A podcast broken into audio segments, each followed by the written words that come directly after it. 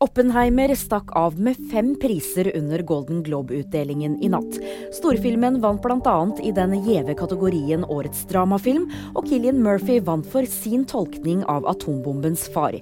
I TV-kategorien vant Succession for årets beste TV-drama.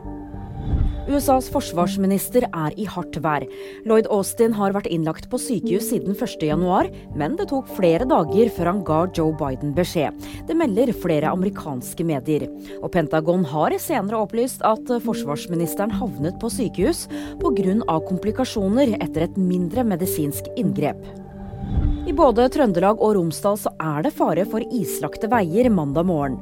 Meteorologisk institutt har sendt ut gult farevarsel om is på veiene i området, og varselet det gjelder frem til klokken ett mandag ettermiddag. Mer om dette og andre nyheter finner du alltid på VG.